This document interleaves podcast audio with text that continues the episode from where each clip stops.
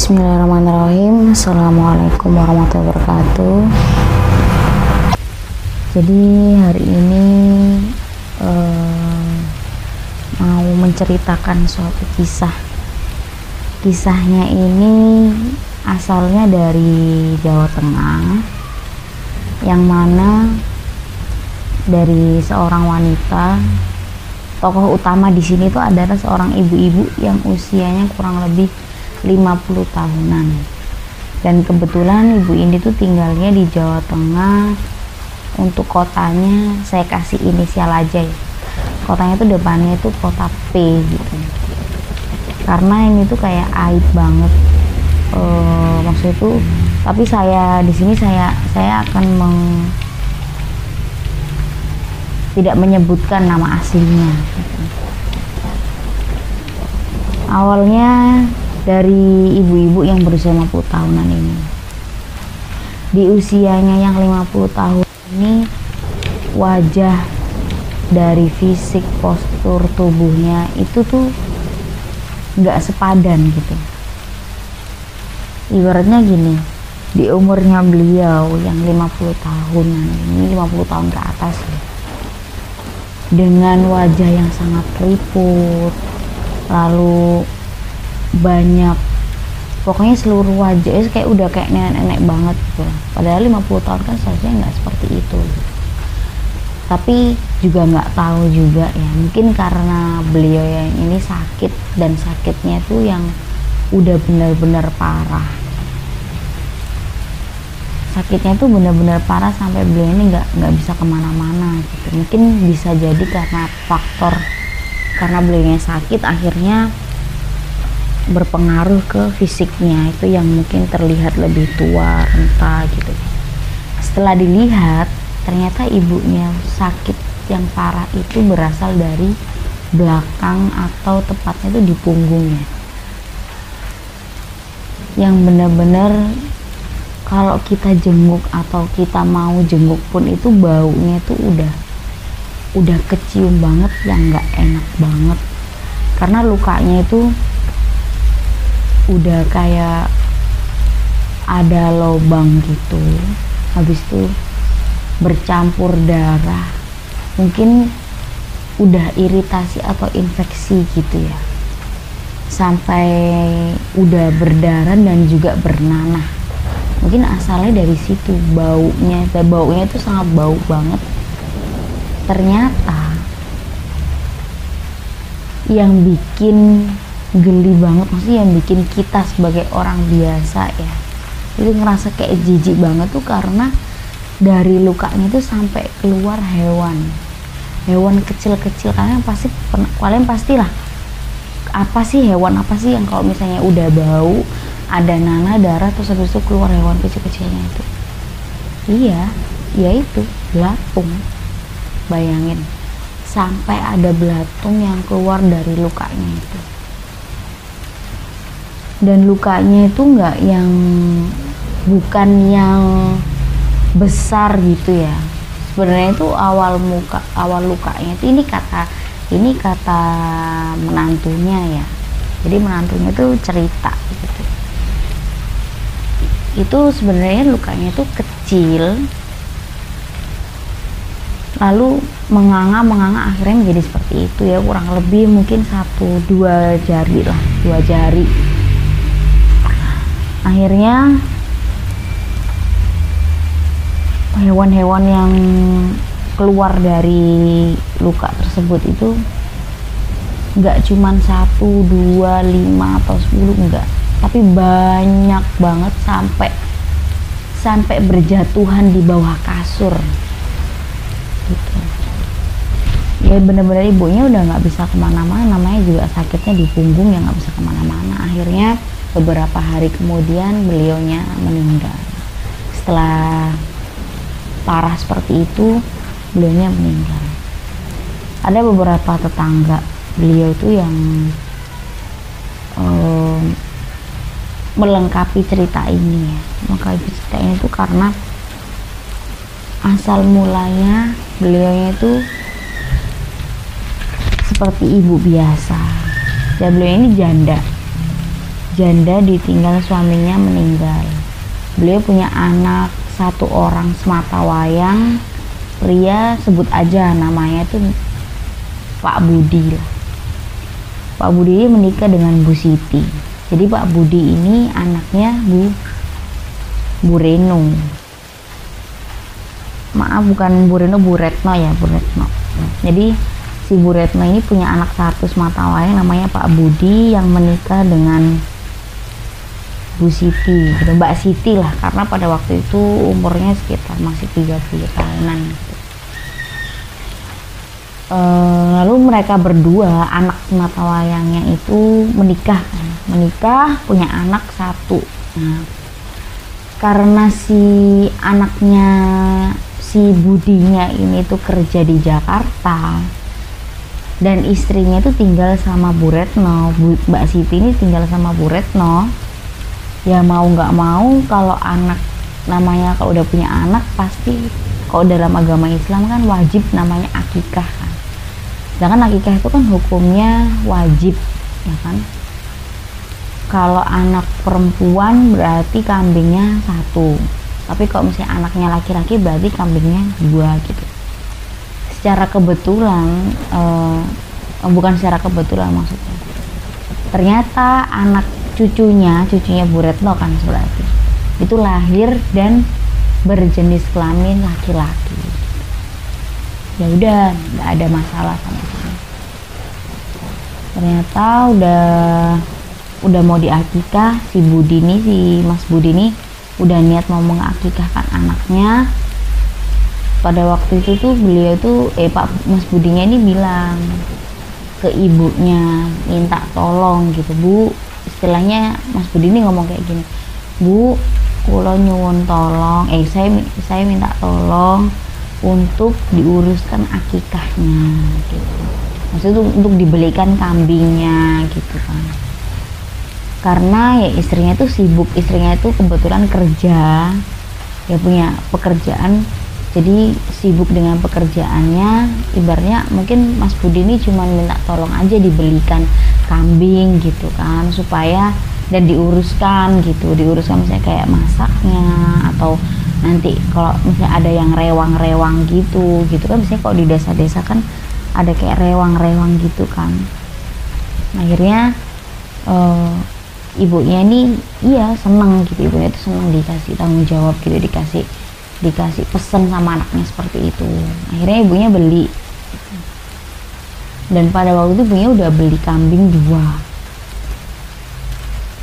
Tapi kambingnya ini tuh nggak nggak langsung dibuat akikah enggak ternyata ibunya ini beli kambing jantan dan betina. Satu pasang lah ibaratnya.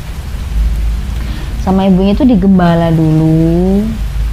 Dan anaknya itu nggak tahu anaknya itu nggak tahu niat ibunya menggembala tuh mungkin pikirannya tuh oh mungkin biar agak gedean atau mungkin biar awalnya ibunya waktu uh, si Pak Mas Budinya ini ngomong lo bu kok belum diakikah gitu. Karena emang udah udah ada satu bulanan lebih ya udah lama lah ibaratnya kok nggak langsung gitu.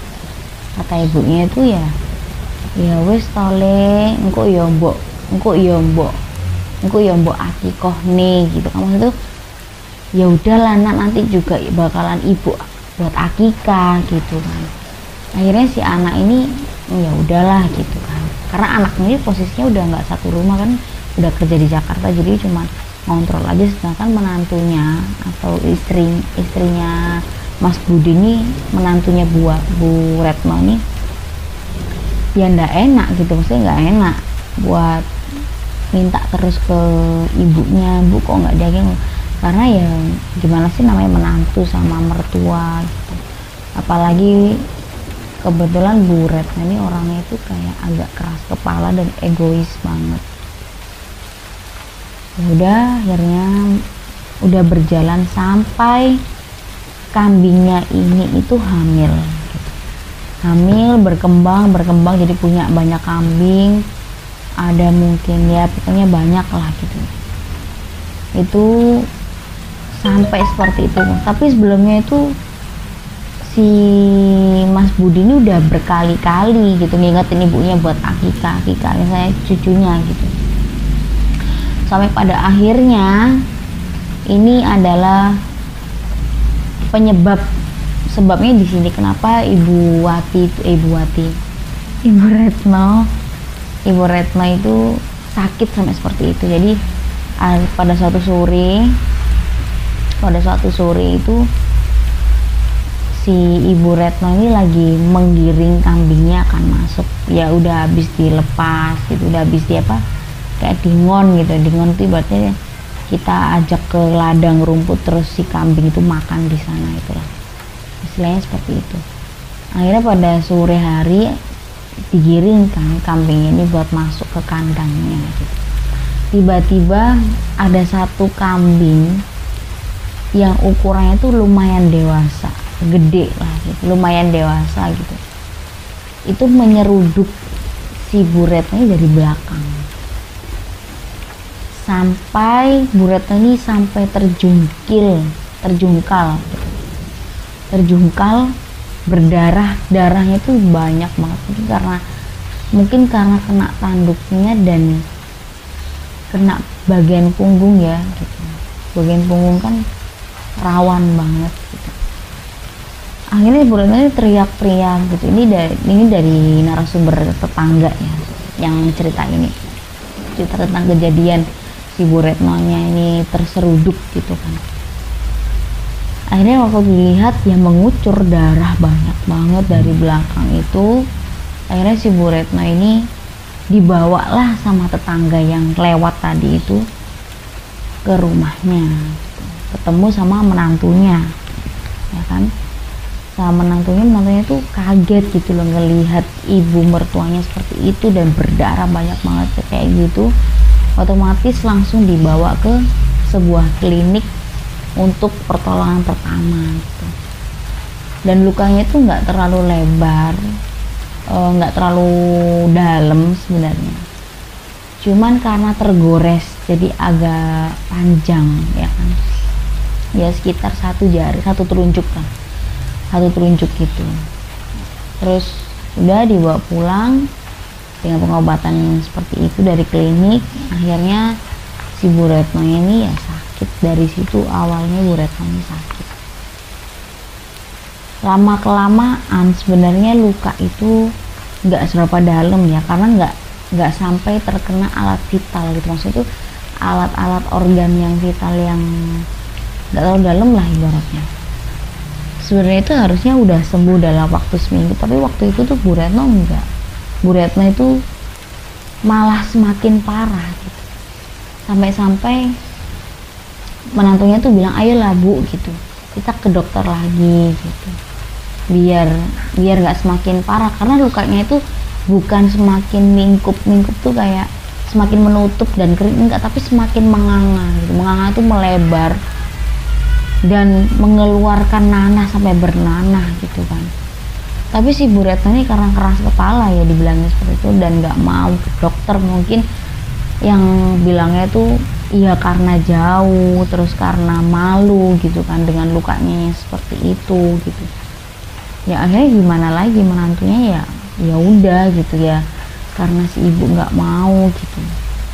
Akhirnya telepon lah ke suaminya. gitu telepon ke suaminya. Lalu suaminya itu setelah mengetahui kabar dari ibunya yang punya maksudnya luka dari ibunya yang seperti itu gitu langsunglah pulang. Nah waktu pulang ini si suaminya ini nanya gitu kok bisa si ibu seperti ini? gitu. Akhirnya diceritakan apa yang diceritakan oleh tetangganya? Karena tetangganya yang yang tahu persis kejadian waktu si ibu Retno ini kena apa terseruduk itu gitu. Jadi katanya ibaratnya kita sebut aja lah tetangganya ini namanya Pak Toto gitu ya. Ini namanya Pak Toto ya. jadi kata Pak Toto itu yang menyeruduk itu adalah kambing jantan yang ukurannya lumayan dewasa lalu suaminya itu langsung inget gitu. Si Mas Budinya ini inget loh. Ini kan kambing yang aku beli gitu. maksudnya yang beli emang niatnya buat akikah gitu kan.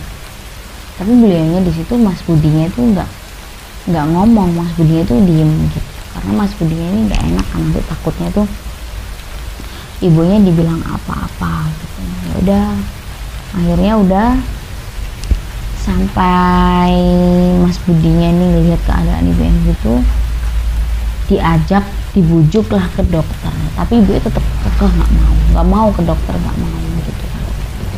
Ya alasannya tetap karena jauh terus karena malu gitu dengan lukanya. Karena dari lukanya itu udah mengeluarkan bau yang nggak enak banget sampai orang tuh bisa mual. Kalau misalnya sampai ngecium itu pun bisa mual gitu ya mungkin karena sudah bernanah campur darah dan itu ada air airnya gitu gitu. Terus Mas Budinya karena udah ambil cuti dua hari hari kedua tiba-tiba ibunya itu menggaruk ya. Maksudnya tuh megang lukanya dan ibunya teriak kenapa bu? Gitu. Dia nunjukin tangannya itu banyak hewan-hewan kecil itu itu hewan kecil-kecil itu yang ya belatung itu. Ternyata belatungnya itu nggak cuma satu dua tiga empat lima tapi banyak banget sampai berjatuhan. Sampai berjatuhan di kasur dari kasur gitu. Berjatuhan banyak banget. Saya menantunya tuh menangis gitu. Akhirnya Mas Budi ini mengontak dokter mungkin kenalan. Kenalannya Mas Budi gitu. Jadi akhirnya si dokter ini datang. Datangnya itu nggak karena nggak bisa hari itu datang datangnya itu keesokan harinya gitu. Ternyata sebelum dokter ini tuh datang Bu Retno ini sudah meninggal dunia. Jadi belum sempet diobati oleh dokter. Mungkin karena udah menolak dan nggak mau alasannya nggak mau dibawa ke rumah sakit. Dokternya ini waktu sudah mau tiba ke rumahnya. Ternyata ibu Retno ini sudah meninggal. Jadi kalau hikmah yang kita ambil dari cerita ini tuh ya mungkin bisa jadi karena si Bu Retno ini menunda amanah. Kan amanahnya kan untuk akikah gitu kan. Setelah hewannya ini tuh sampai berkembang apa berkembang biak jadi banyak jadi berkembang gitu. Nggak segera dilaksanakan amanahnya. Ya sudah gitu. Akhirnya ya mungkin ini adalah satu balasan gitu. Satu balasan dari Allah gitu ya buat Buretno itu. Buat kita juga ya ini juga sebagai um, apa mengingat kita juga gitu. Kalau misalnya kita melakukan mendapatkan suatu amanah apalagi amanahnya itu berketerkaitan dengan syariat itu sesegera mungkin lah dilaksanakan gitu.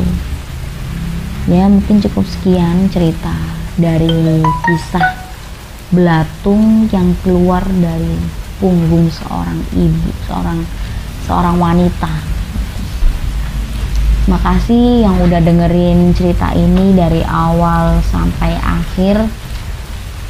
Kita ambil aja hikmahnya. Kalau kalian suka bisa di-share ke teman-teman kalian atau mungkin ya terserah lah gitu. Pokoknya saya ucapkan terima kasih. Semoga kita selalu mendapatkan apa hal-hal yang inspiratif ya. Dan kalian kalau misalnya punya cerita-cerita yang lain bisa dikirimin dikirimin ke kita dari ke email.